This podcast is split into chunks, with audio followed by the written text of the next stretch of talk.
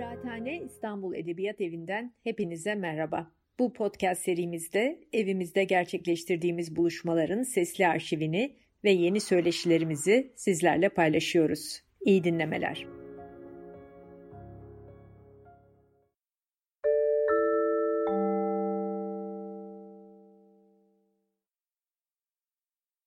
Kıraathane İstanbul Edebiyat Evi'nden hepinize merhaba. Ee, bu akşam Edebiyat Konuşmaları serimizde İran kökenli Amerikalı yazar Azerin Venden Pilit Ulumi ile birlikteyiz. Ee, Azerin e, İngilizce bir konuşma yapacak ve biz de programı aslında genel olarak İngilizce gerçekleştireceğiz. Önce konuğumuz bu akşam bir konuşma yapacak e, yarım saat kadar. E, sonra soru cevapla ilerleyeceğiz ve soru cevap e, bölümünde de sizler hepiniz yazılı ya da sözlü olarak her iki dilde soru sorabilirsiniz. Yani İngilizce ya da Türkçe yöneltebilirsiniz sorularınızı. Çünkü Azer'in de zaten İngilizceden Türkçe'ye çeviriyi dinliyor olacak. And with that, I think I will switch to English now uh, to welcome Azarine Van Fleet Ulumi to the program. Azarine, hello. Very good to see you. Hi, everybody. Thank you so much for having me. Thank you for joining us. It's great to have you. Um, tonight, uh, Istanbul Literature House is launching its new series, the Young American Authors Program, uh, which will feature um, writers under the age of 40 from the American continent. So, not only from the US, but uh, writers living and writing in different countries and languages in the American continent will be our guests. And Azareen is, is the first guest of this mm-hmm. series.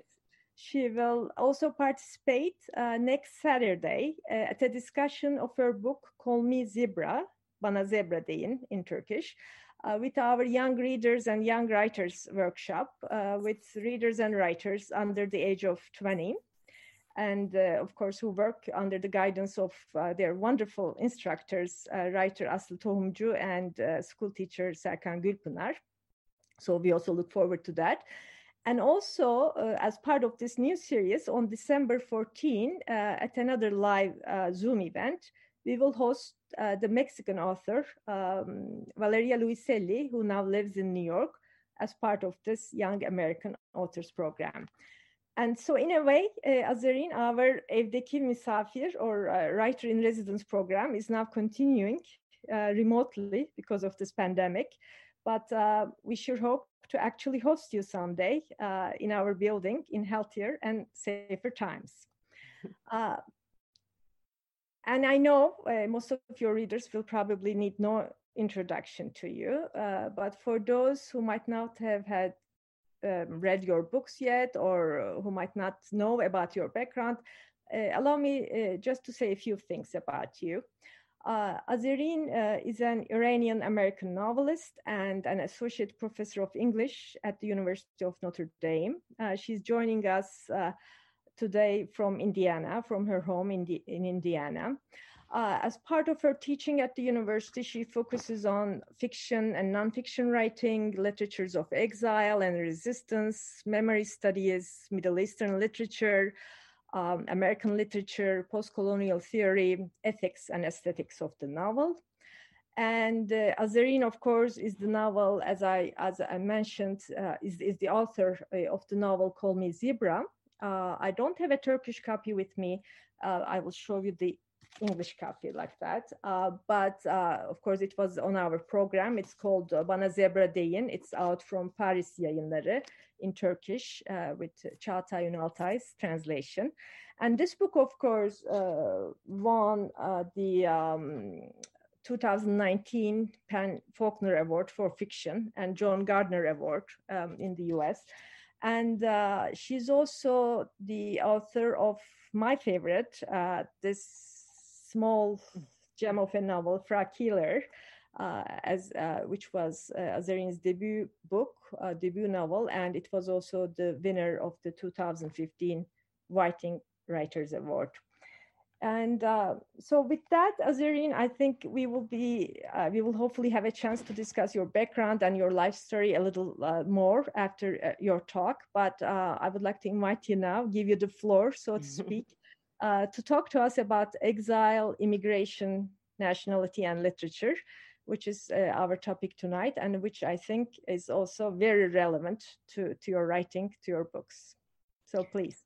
Thank you so much, Yasemin, um, and uh, everybody else for hosting me. And it's really just a wonderful opportunity to be here together in this virtual space. So, um, thank you also for that wonderful introduction. Um, I have prepared a bit of a more formal talk um, that addresses some of the influences, literary influences in Call Me Zebra um, and some of the main themes at the core of the novel. Um, but I'll I'll speak a little bit informally before I read that from that, so that we you can feel free to ask questions later. But I I grew up um, moving around quite a bit, um, as Yasmin mentioned. I lived in in Iran and Tehran and um, in Spain. I lived in the United States and different parts of um, Italy and Catalonia as I as I came into adulthood.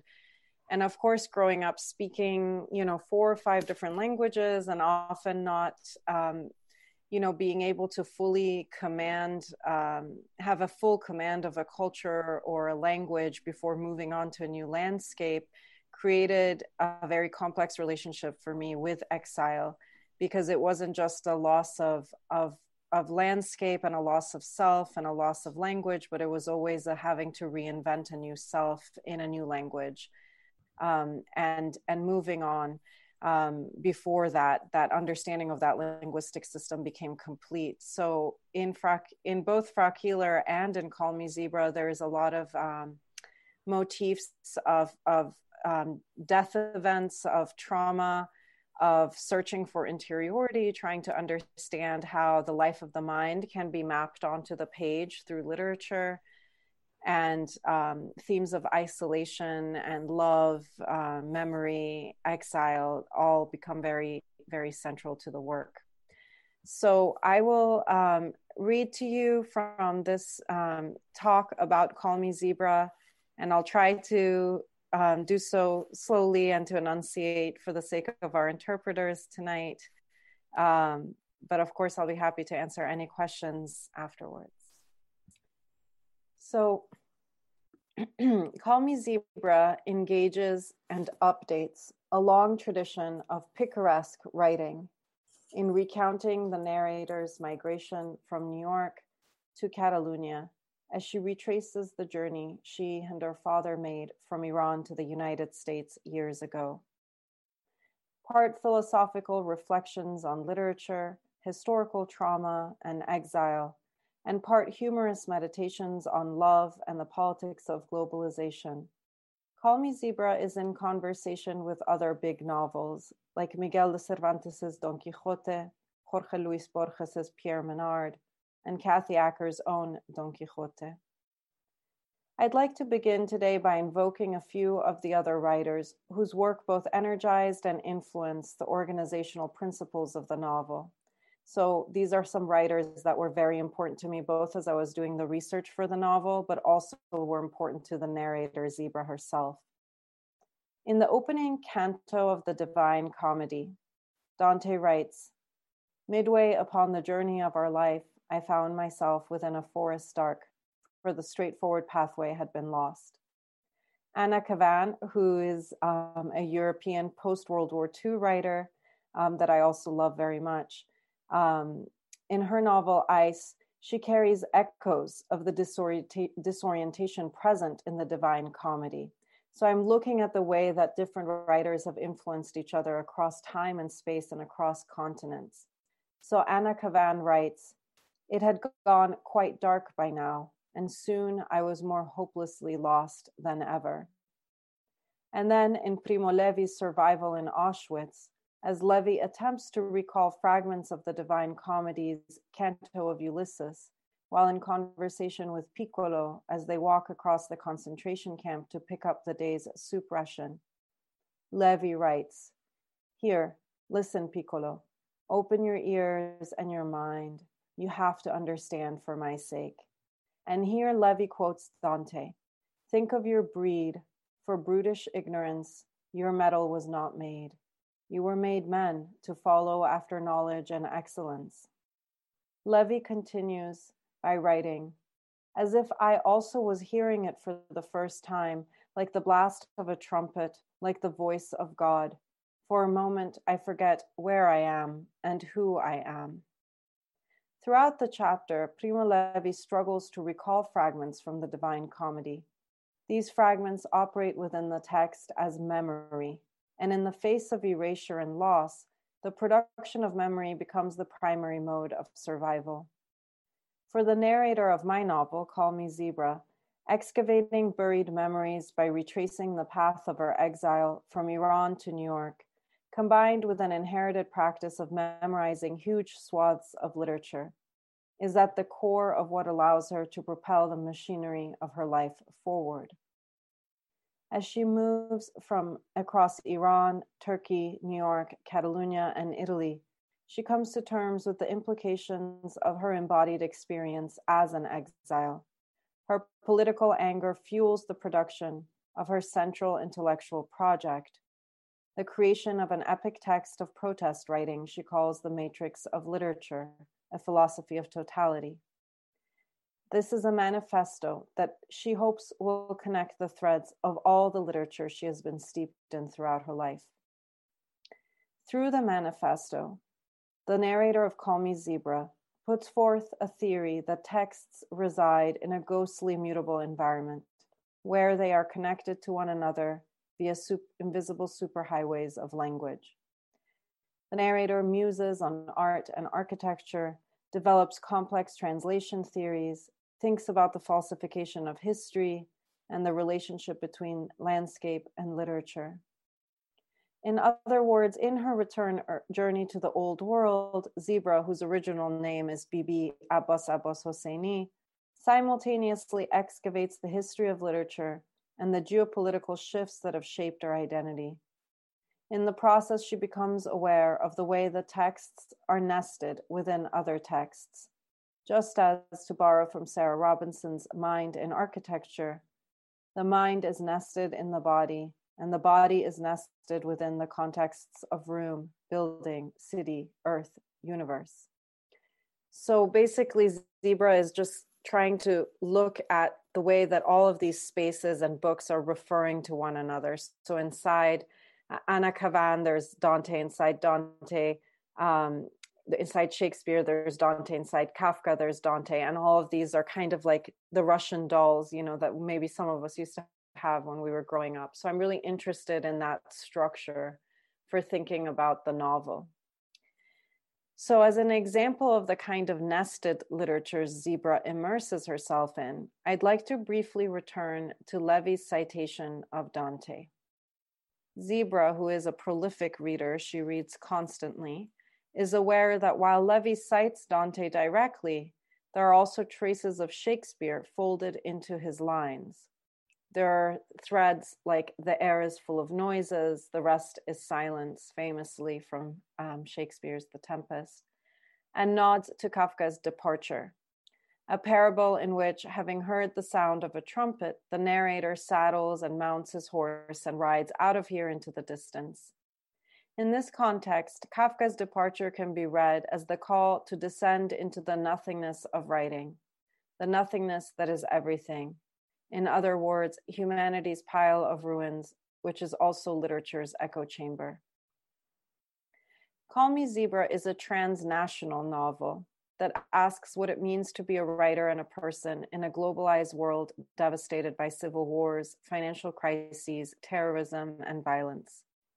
In the process of writing it, I thought long and hard about the notion that literature occurs in advance of history, and about the fact that we can not take history out of literature, just as we cannot take literature out of history.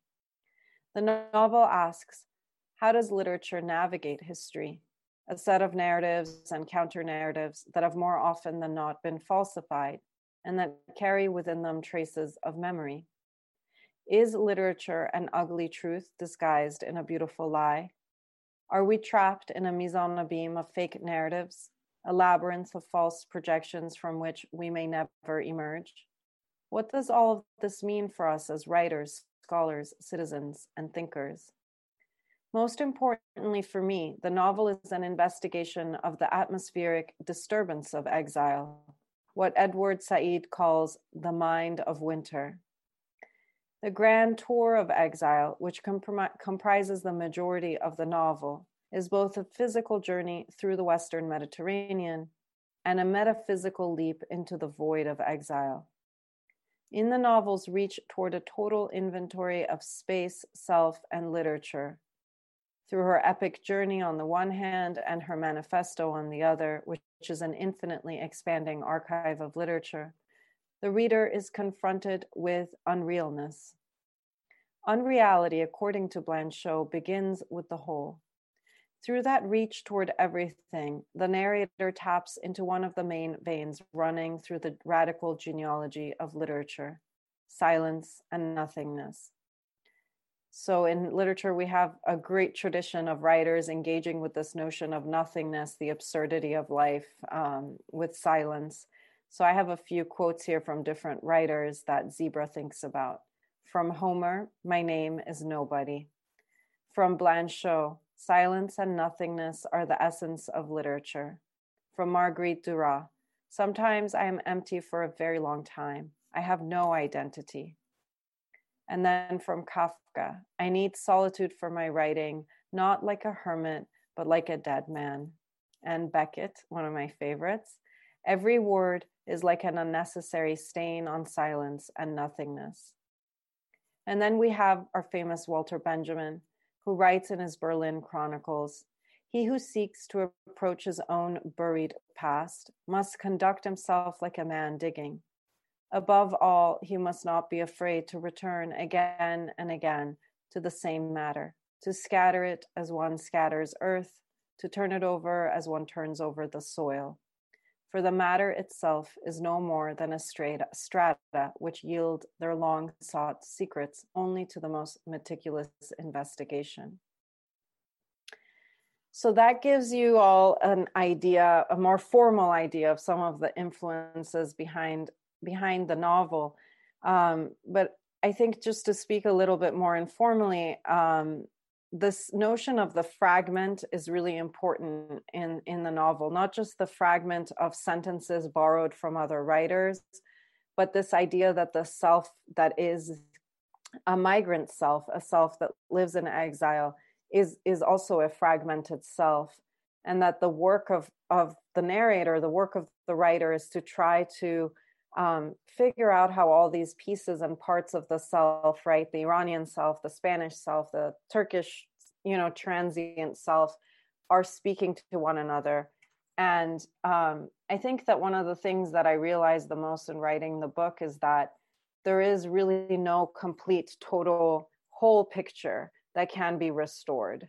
There is no like um, fully whole self that can be recovered um, even as the narrator goes back to retrace her footsteps and tries to basically reverse the passage of time um, in order to fix something in place, it's an impossible project. And that the world keeps moving, time keeps moving. Even our language that we learn is always evolving.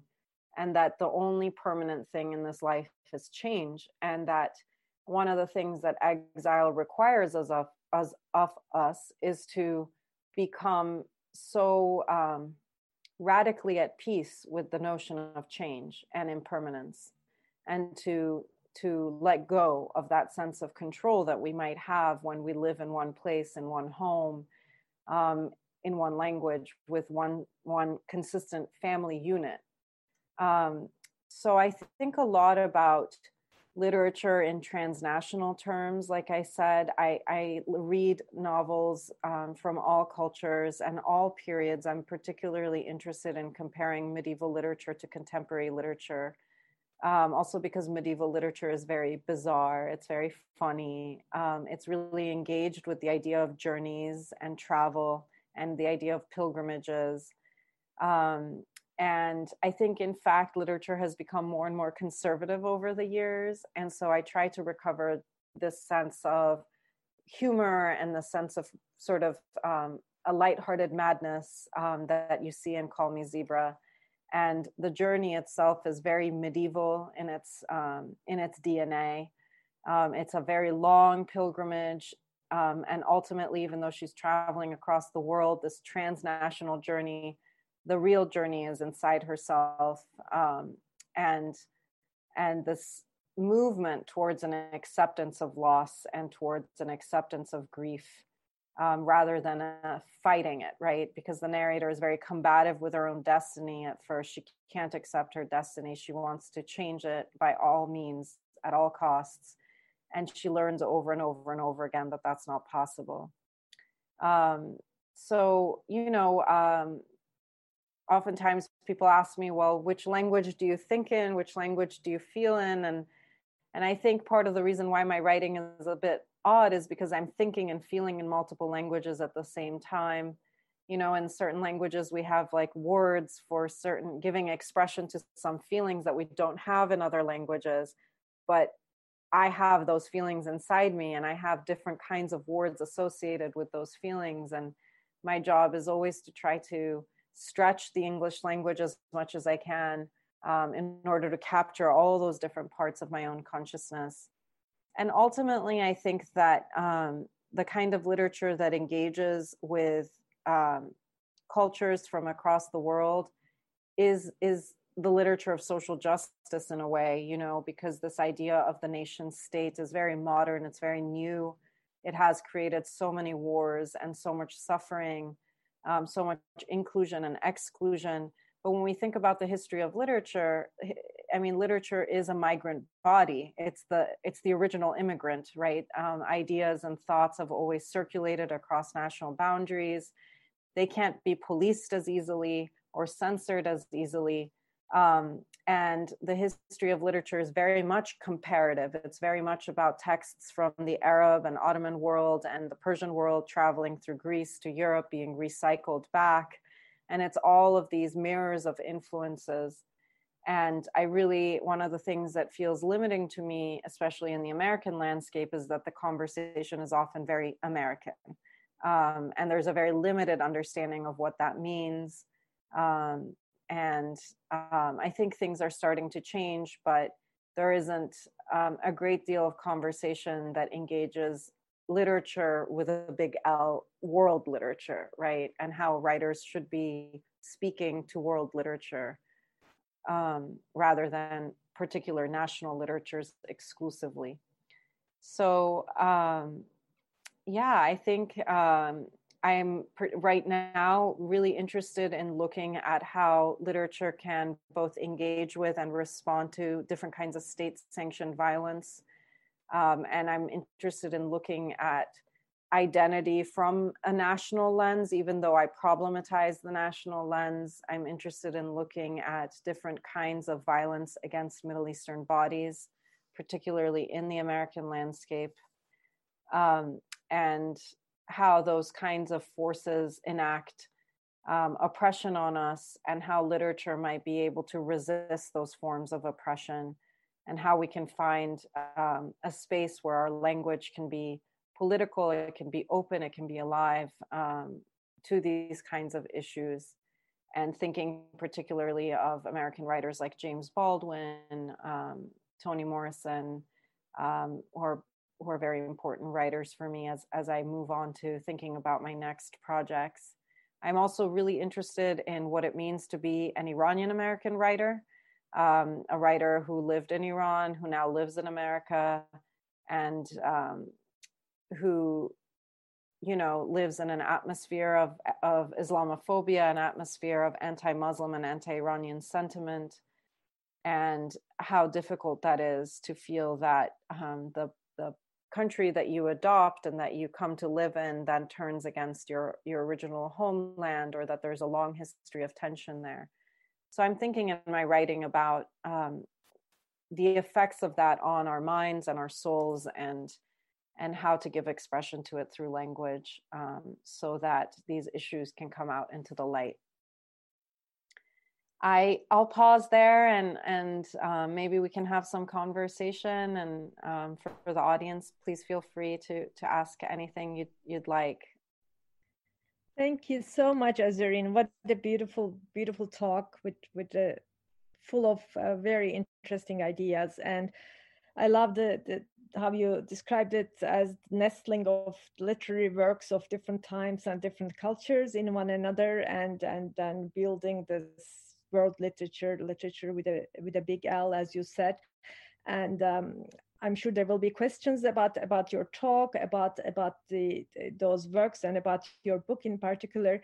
But I would like to begin uh, asking you uh, about you, the person, a little bit more because uh, you mentioned it uh, at the beginning, of course, and and we know uh, from Zebra the character. Um, kind of shares i think your life experience but i don't know how much of you really there is in, in, in the character Zebra. So I was wondering if you could tell us, uh, all of us, especially those of us perhaps who haven't read on you much, um, how your life uh, was shaped. I mean, you were born in Iran, and then what happened? Just uh, give us your life story a little bit so that we have perhaps a better sense of your fragmented self, as as you said, and your many languages and your many backgrounds. How do you define yourself, describe yourself as a person, and uh, which countries, which languages shaped you so far? Um, okay, thank you uh, for that question.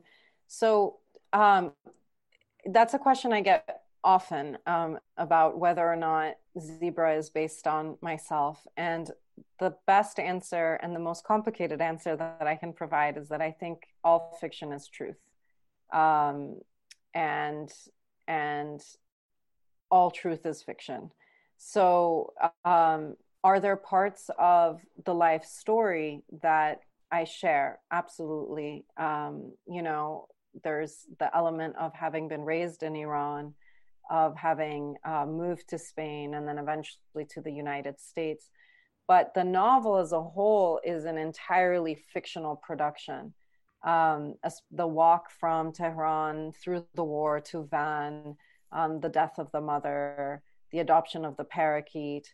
Um, it is an entirely imaginative landscape um, that I created as as writers do. You know, I did a lot of world building, um, and all of that architecture of the world inside of the book gives is all fiction, but it gives expression to an emotional truth, which is um, that difficulty that I do share with the narrator um, that I had particularly in my 20s of not understanding where I belong because I had I was born in the states but didn't live here. We moved to Spain, then we moved to the United Arab Emirates, then we moved back to Iran then we moved back to Spain, back to the United States, back again. Um, and a lot of it was because of political issues, but a lot of it had to do with just the nature and character of my family. You know, um, so my my family can be very eccentric, not as eccentric as Zebra's family members. There were no diehard poets or painters. Um, there were no anarchists. There were no atheists. Um, but there there was always this sense of trying to find something better somewhere else and i think that that um, definitely shaped my life a lot um, this eternal search for the perfect place the place of perfect happiness which as a child you know you don't have the agency. Your parents make those decisions or your mother makes those decisions and i you go along with them. Um, but I think when I reached my 20s, after having, you know, I speak Spanish, Farsi, English, some Catalan, and Italian, um, I tried to go back to Europe. I tried to leave the United States, especially during Bush years. And, you know, I, I realized that I didn't entirely belong in anywhere. Um, I, I wasn't 100% myself in Spain or in Italy because how could I be? I'm 20% this, 20% that, 20% the other thing. And it was very hard to deal with that feeling. Um, and I think one of the things I'm really grateful for is that the novel allowed me the space to sit with that feeling, with the discomfort of not having a home, with feeling at a loss and being young. Um, not having a lot of family around from from back in the day so that's the essential core that i have in common with zebra um, but she's far far more free and wild than i could ever be and probably a lot funnier. But um, yeah i think that that i've made a conscious choice now in my in my 30s to sit in one place and to live in one place for a very long time. I've been living in chicago and south bend for almost nine years and um, it took a lot of work to stay in one place but it's a very interesting experiment for most people it's reverse the experiment is going on an adventure and seeing what happens to them but for me the great adventure is staying in one place okay uh, thank you for that. And now I would like to invite everyone uh, to ask questions. You can either write your questions in Turkish or in English uh, in the chat chat box we have, or in the Q and A rather. Uh, and uh, among panelists, we have the, the, you know coordinators of the Istanbul Literature House uh, who can jump in and ask questions. Nilüfer, do you, do you want to jump in? And also, yes, I do actually. anyone else also, if they, if anyone wants to come to the screen to ask a question, please raise raise your hands, and we will see. Do I do I do I touch the raise your hand thing? No, no, you don't need to. We hear you. You go ahead. Okay. Hello again, Azareen. I've, I've appeared now. Um, great to have you as a virtual guest in Istanbul. That was a lovely, short but lovely talk. Two questions, one very little. Um, how have you embraced not belonging anywhere now? What What do you feel about it? If you'd like to say a few things about that. But also, what impressed me most in your talk, uh, so this question came to my mind. There's this enormous tradition of, I'm not going to say national literature, but let's say the great American novel, you know, writers like DeLillo, Roth, even Toni Morrison, or Coetzee's South Africa. I mean, there's this strong old tradition in literature, in modern literature, of immersion in one country, one culture, trying the, the project is to decipher it. You know, all these writers like DeLillo and Roth, their their competition is I'm going to explain what America is all about, this country, the you know, whatever, the great American novel, versus what you call what you inhabit, the uh, hybrid, cross-cultural, migrant experience as well as the fun and fantasy and the carnivalesque of the medieval. I agree with you that modern literature is getting a bit too conventional and stolid sometimes. Uh, between these two big traditions is, is the second one, is the hybrid, cross-cultural, migrant, carnivalesque. Uh, is that coming to the fore, do you think? Or are those two traditions still the main poles? In world literature? Um, thank you so much, Nilüfer, um, for those questions. So, to the first one, I'm not sure has a, a specific answer. I think it's the question that we ask ourselves every day of our lives, particularly when we're dealing with grief or loss. Is um, you know, we don't have to have had experiences as dramatic as moving, you know, multiple times across the world to to feel exile, right? Or to feel not belonging. Um, we can feel not belonging in the same hometown that we were born and raised with.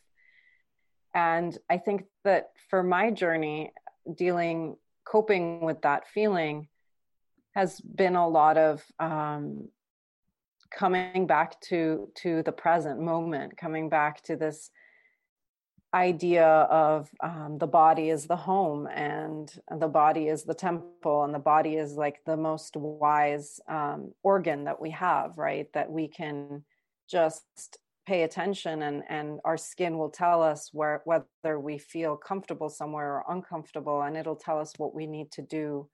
And so i try to listen very carefully to my to my body. Um, and that's as a, as a practice that i've developed even as a writer and to to when i write also write from the body from a visceral experience and not just from a rational space of my mind and I, that connects to your second question because I think that the project of the Great American Novel is very rational project. Um, those kinds of national literatures tend to be rational in the sense that there is a presupposition that we can actually understand and explain everything and synthesize it, and that one person can hold the key to unlocking this great sort of mystery of a conglomerate nation um, there are cases in which it's true and effective. For example, um, writer that I do believe sheds a lot of light would be a writer like Ta-Nehisi Coates or James Baldwin.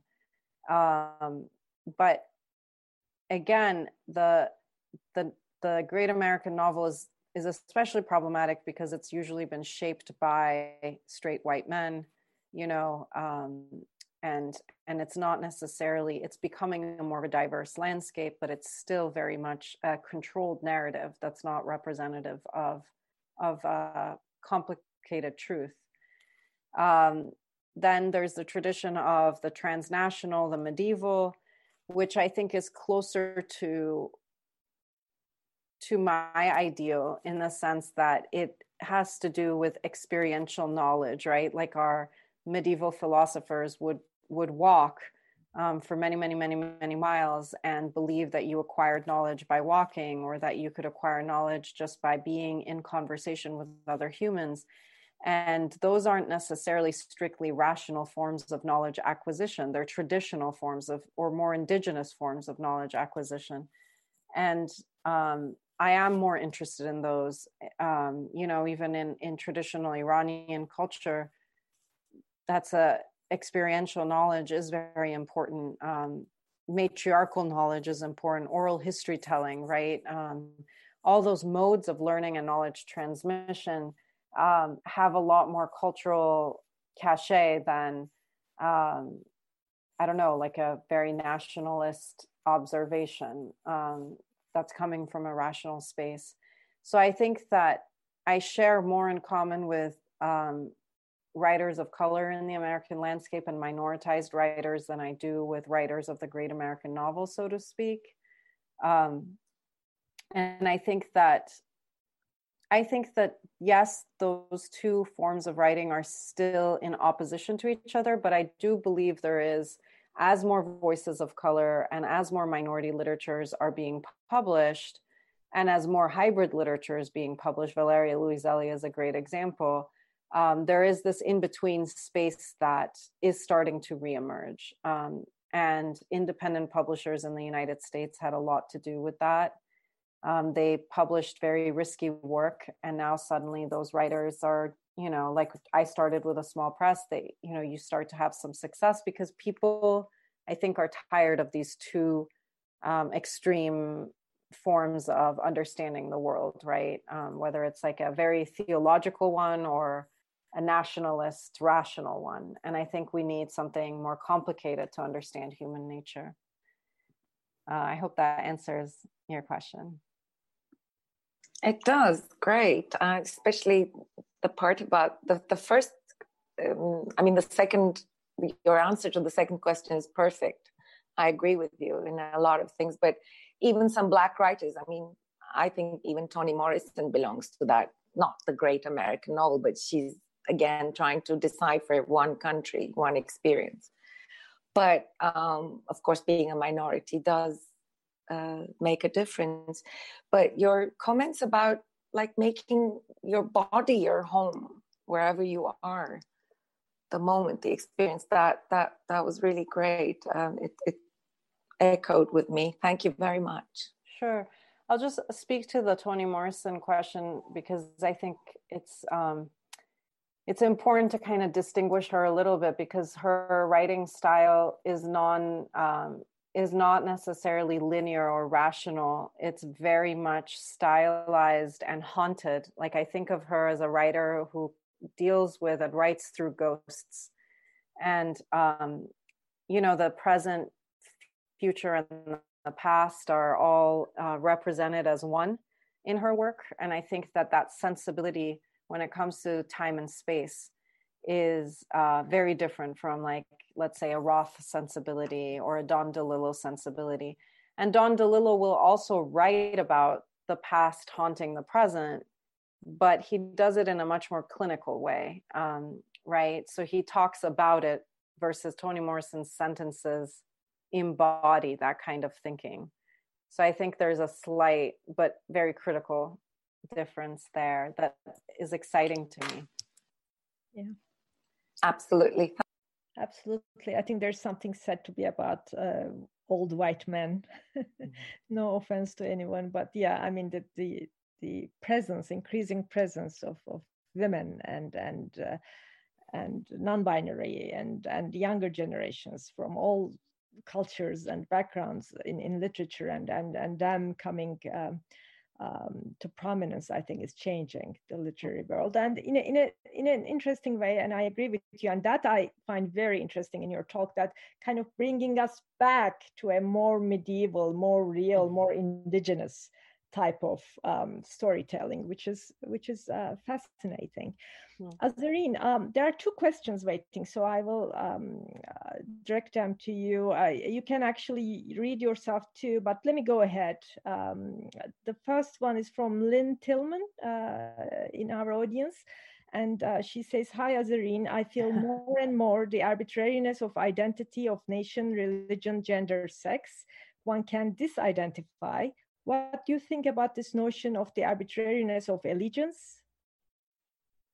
Is that question from Lynne Tillman? Yes. Oh, Lynne, hello. Um, a beloved writer. Um, I do agree very much. I mean, um, I can't see I can't see her face, um, but I actually do think that part of the the piece that I arrived at is understanding fully the arbitrariness of identity, that it's a, a, category that we cling to in order to feel that there's ground under our feet. And um, in reality, there's no there there. Like when you really, um, I think that the way to kind of work our way through that is also just accepting that there's just a body and a bunch of sensory experiences, but that there isn't a stagnant, essential core identity. Um, and yet, I would say that sometimes, in order to survive or in order to assert ourselves, we do need to also have recourse to an essential identity, right? Um, that that both things are true because at the same time that the whole project of identity can be um, can be somewhat misleading or or kind of lock us in for those who have not been able to give voice to their own identities for um, those of us who have experienced oppression, gender oppression, sexual oppression, um, racial oppression, being able to articulate um, and claim our identities, right, um, is not something that can be taken for granted, right? So I, am careful in distinguishing um, there. Um, but yeah, I think if if if we lived in a perfectly utopic egalitarian world, then I think we could probably just say all identity is um, should go out the window. All all sort of claims to identity, but that's um, we don't live in an apolitical world, right? So I think it's a tricky tricky question, um, but a very important question to think about, especially as writers.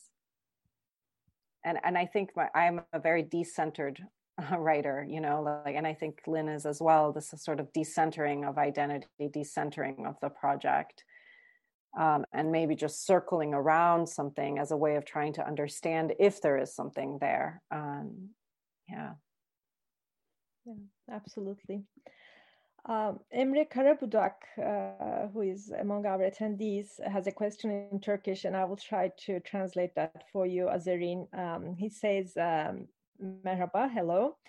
Uh, Call Me Zebra was an amazing book. Uh, being someone who thinks a lot about rootlessness, uh, belonging, and home, uh, such uh, um, such ideas, I was very much impressed with the book. After reading it, um, I realized I, I, wanted to write uh, such hybrid transnational texts uh, myself also, and I have been trying to do that. Uh, but um, I'm having difficulty putting on paper what I feel. Uh, it is, I can call it a sort of a writer's block. Uh, so Azareen, um, considering your own uh, writing experience, are there any, um, is there any advice you can give me? Is the question by Emre, Emre Karabudak. Um, advice for for having writer's block. For overcoming it or for being able to yeah to put your feelings on paper. Well um, i think that when we have writer's block our first tendency is to try to run away from it and get over it and then that creates more panic um, in a way. So i think when i have writer's block it's generally because I'm very afraid of acknowledging something to myself, or I'm afraid of the repercussions of speaking my truth. So it's a form of deep, deep self censorship. And sometimes it can just mean that you have to do the, the, emotional and personal work in order to be able to speak your truth, which isn't automatic for most of us. Other times, I think writer's block can have to do with if you're trying to do a project that pulls together different um, ideas or threads or aesthetics, that there's a maturation or an incubation period before it becomes clear to you how to do that architecturally. So it's both a emotional and a technical issue. And I think only each person can can assess and usually those things happen together so for the technical piece the best way for me is to read read read. Um, so if i'll read for example if i'm trying to teach myself how to do great literary realism i'll pick up henry james and read henry james. And then if i'm trying to figure out how to bend that realism in order to invite some kind of speculative genre into the text you know i'll probably read um, some doris lessing or some surreal writers like Andre Breton. And sometimes those exercises that the surrealists had are really helpful, like writing with your eyes closed or writing for one minute uncensored and uh, stepping away for a minute, then writing for another minute.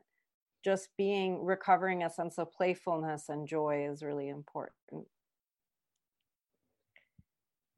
Yeah, and uh, on that note, um, I would like to ask you about. I'm also looking for questions all the time, but uh, please keep them coming. Uh, if you have questions, uh, feel free to to send it in Turkish or English. But I, I also would like to ask you about what you're writing now. Uh, I read somewhere that you have two books uh, coming up next year in 2021. One novella about Napoleon, and and a new novel. Could you tell us about them a little bit? Sure. Um, so my next book is called Savage Tongues, and it's actually coming out in August of 2021, and um, it it sort of deals a lot with um, with nationalism. It follows the story of a young girl um, who's now an adult um, woman writer who returns to um, to Spain to an apartment that she had lived in as a teenager alone where she had had a relationship with a much older um, Lebanese man. And um, the narrator returns with her best friend many, many years later. And, um, you know, the best friend is an American Israeli scholar who's devoted to the Palestinian cause. And so um, it's a conversation between these two women that thinks about gender violence, national violence, and gender oppression and um, queer identity, and tries to understand how um, none of these things can be separated from one another. So, coming back to Lynne's question of of um, the idea of one identity, or that the, this novel is resisting the idea that we can understand our identity through a singular singular lens. So, um, the fact that the narrators um, Iranian, British, American, right? That's again similar to myself, but it is a novel and it is a work of fiction. Then, um, you, know, she's thinking about how those different kinds of influences also um, influence our sexual desires, right? How how are the politics, political environments we grew up in actually inform our erotic tendencies? So those are big questions and questions of female friendship as well. And then the other book is actually not coming out until 2022. It's a short novella that deals with Napoleon's time in the island of Elba, where he was in exile. Um, so it's looking at uh, boredom and what happens when you take this megalomaniac character and you put him on a on a remote island in the middle of nowhere, um, where he's extremely bored for ten months. Um, and it, it was a very fun project to work on. Yeah, well, we certainly look forward to reading them in English and Turkish, hopefully, uh, soon after. Um, Tom, do you have a question? Yeah, I wanted. Um, hi, Azareen. Um, Hello. Uh, I wanted to ask you about um, uh, walking because I mean you mentioned it a little bit earlier as a form of knowledge, and I read in some previous interviews of yours that um, it's an important something that you that you've been interested in, particularly in the work of Joseph Pla, I think. Mm-hmm. And I was interested about how that connects to maybe the bigger ideas of um, yeah migration and movement and how walking and landscape connect to mm-hmm. uh, yeah for sure i actually just finished teaching a class called writing walking thinking where we um, were reading texts from the medieval to the contemporary and thinking about walking in relation to power and privilege. Um, but it, I think it comes back to my central ideas around the body and experiential knowledge and how uh, walking is sort of like the very, you know, one of the very first technologies that humans, um, you know, acquired uh, and as as a way of um, it's connected to this question of space and landscape, like man made architectures and natural landscapes, and how they actually affect our cognition and how they affect our emotional states. And I think if you walk as a writer in deliberate ways, like, you know, um, Kant used to walk, walk in deliberate ways, a lot of philosophers, or um, and and you know or walser one of my favorite very strange um, again uh, european writers. You you engage it as a practice in order to think about um, how society is acting upon your subjectivity and how your subjectivity is is an expression of your environment. So it's it's it's a complex question because you know it's i just finished like a whole semester of thinking about this but there isn't one particular conclusion that I have, except that um, not everybody is free to walk, or not everybody is equally safe while walking, and um, that spaces are designed to, in a sense, there's a lot of surveillance in all of our spaces, you know, in all of just globally speaking, like the ways in which our bodies are directed to walk and how we're directed to experience a space um, and how as writers we can try to disrupt that or push against it so you'll have writers from again the surreal period or the drift psychogeography writers from the 50s and 60s who were very much resisting the commodification of space right like space becoming capital capitalized um, like in the United States, where everything is a shopping center on a grid, right? So you'll drive down a road and there's the McDonald's, there's the Target, and and it becomes very difficult to experience disorientation or to experience um, a sense of being lost which i think is a very critical deeply spiritual part of our human experience and and something very ancient that we always have to come back to. And i think that the way that our environments are shaped right now make it harder and harder for us to have those experiences of being lost or having to wait for something and there's a negative um, effect that can come from that. It's not all negative, but I think when it's when as a writer you're interested in being uncensored, you're in, interested in the invisible. Um, you know, the way that society is organized now doesn't give us a lot of space for for reflection or meditation on on those hidden truths. You know.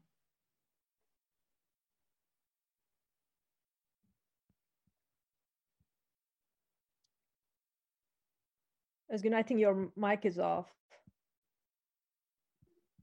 I was on mute, sorry. I would like to just to further Tom's question. Um, 15 years ago, I was listening to Paul Auster, and he uh, he said something, uh, if I recall it right, that he the society could be summed up in the con- conflict between openness and closedness.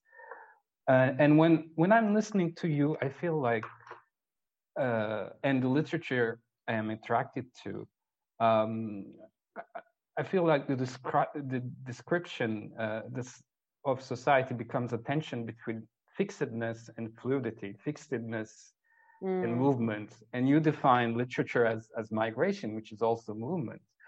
Um, uh, you were you, you were saying that you know people when when when they feel disoriented they feel lost. So do you think that the idea of, fluidity of of of uh, movement makes people scare and literature can be a pioneer in in in, in breaking this this feeling of of being you know um, being tempted to to to to close close their doors to this movement? Yeah i think so. I think literature is actually um, like the quintessential form of especially the novel right like the no- modern novel of um, it's an expression of doubt of raising questions that are impossible to answer. And I think it's a very existential endeavor. Not all writers would feel that way about literature or think that the novel is is the perfect vehicle to um, raise questions that then create more questions you know instead of trying to find a resolution or an epiphany or an answer so i think that you have to have a very particular temperament in order to be able to just give yourself over to this open system that never closes because there's probably no answer. There's just another question that complicates the first question, and so on and so forth, right? All the nests. And I think that I do live in a lot of doubt as a nov- novelist or a writer, and um, I'm very resistant to closed narratives or closed um, i'm very resistant to looking at a at a difficult question from one point of view. And that has to do with the fact that i'm transnational. It has to do with my own character as well because i i only know that i don't know um, most days. And i try to come back to that and it's very scary but it also is a great source of comfort so i think that writing is just a place to wander out loud, you know, like to wander in your mind the same way that you would wander across a landscape by walking. And there isn't really like a place to arrive at. Um, that's not my intention as a writer. I don't ever know where I'm headed when I start writing. I just allow the text to kind of tell me where it needs to go. And of course, I exercise control and try to have like technique mastery. All of those things are true, but I try to let the the truth kind of or I try to let the text be honest and it's often only honest when it doesn't have answers or it doesn't have a singular answer. I think that can be yeah, both delightful and terrifying.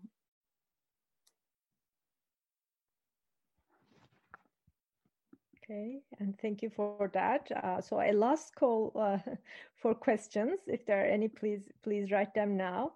Um, and if not, I think we're going to finish um, just in a few minutes. Um, but Azareen, I also want to ask you a political question. I mean, your because your writing is political. You are a political person, and uh, I have two questions. One is about uh, the series you launched.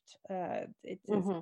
and I can't remember the exact name. Literatures of Annihilation, Exile, and Resistance. Exile and Resistance, exactly. Tell us about that. Uh, what do you do there? Who participates? Uh, what happens? Because it's a bit sounds like what we're doing at the Istanbul Literature mm-hmm. House. So uh, I'm I'm very curious, but also on a, on a you know like a, perhaps a macro level of politics these days. Uh, since you are an Iranian American, you talked about uh, the prejudices and problems of of also living in in a in an anti um, um, sometimes, you know, like anti-Islamist uh, kind of um, society and everything. And of course, we had uh, four years of the Trump presidency in the U.S. Uh, with, with uh, the racist uh, rhetoric, um, anti-immigrant uh, rhetoric, and everything. And then in the recent elections, as you know very well, uh, he ended up uh, losing, um, mm-hmm. thankfully, but he also ended up receiving 70 million votes. So I, I want to ask you, as a writer who is transnational, as you said, hybrid, as you said, and who are really kind of um, passing through the walls and and and you know crossing all these borders in in your text and and you certainly do.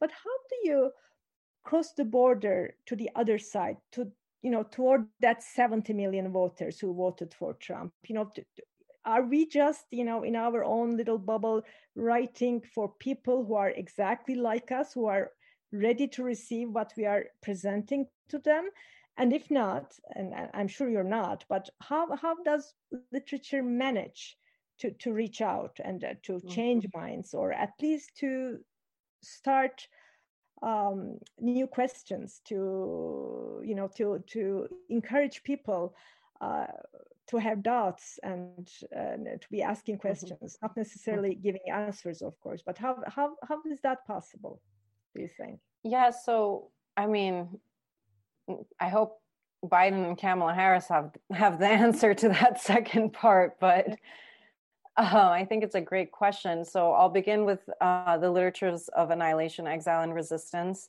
Is a series where we invite writers of color, particularly writers from the Middle East, North Africa region, or as we say, you know, Southwest Asia, North Africa region, to come together and talk about how um, writing directly in response to forms of systemic oppression has allowed them to innovate the technology of the novel. So, how, in order to, um, you know, so we're in the series, we're acknowledging that there is an invisible restriction on our speech, right? That we're, that self censorship and overt censorship that we've all experienced.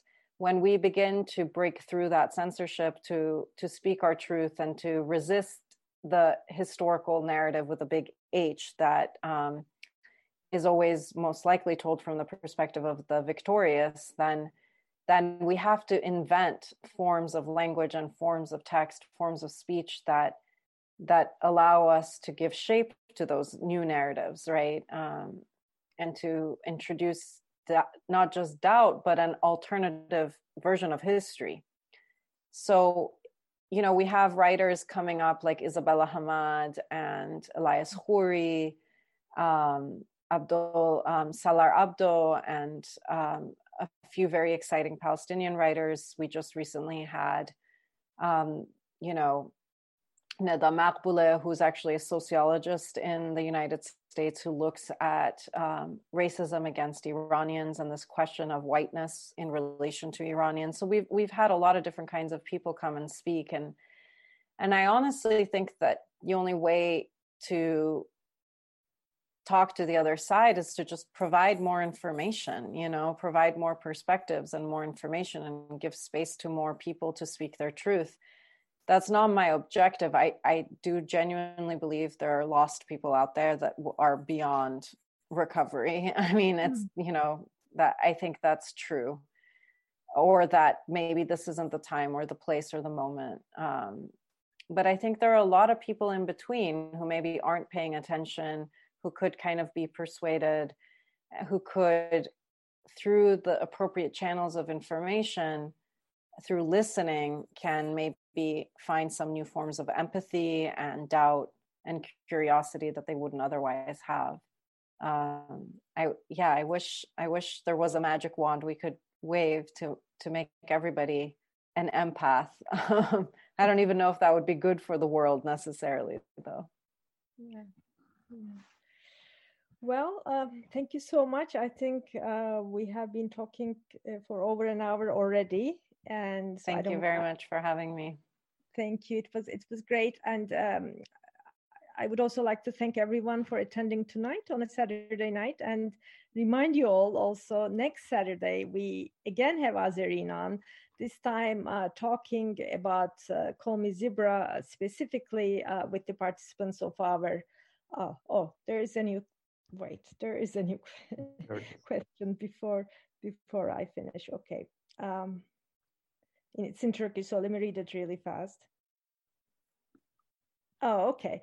Uh, it's a long question, and I'm not gonna uh, translate it all because it's by actually uh, by one of the instructors of our um, youth workshop who will be hosting you uh, next week. So I will let uh, Serkan to to discuss that with you next week. But just a, a, summary of this question is that, of course, in in in in, in the Zebra book, there's the autodidacts, uh, anarchists, and atheists, and and Serkan talks about that a little bit, and he says the most interesting uh, characteristic of those three A's for him was autodidact, being an autodidact, and he's asking you if you are an autodidact or you oh, consider oh, def- definitely, definitely.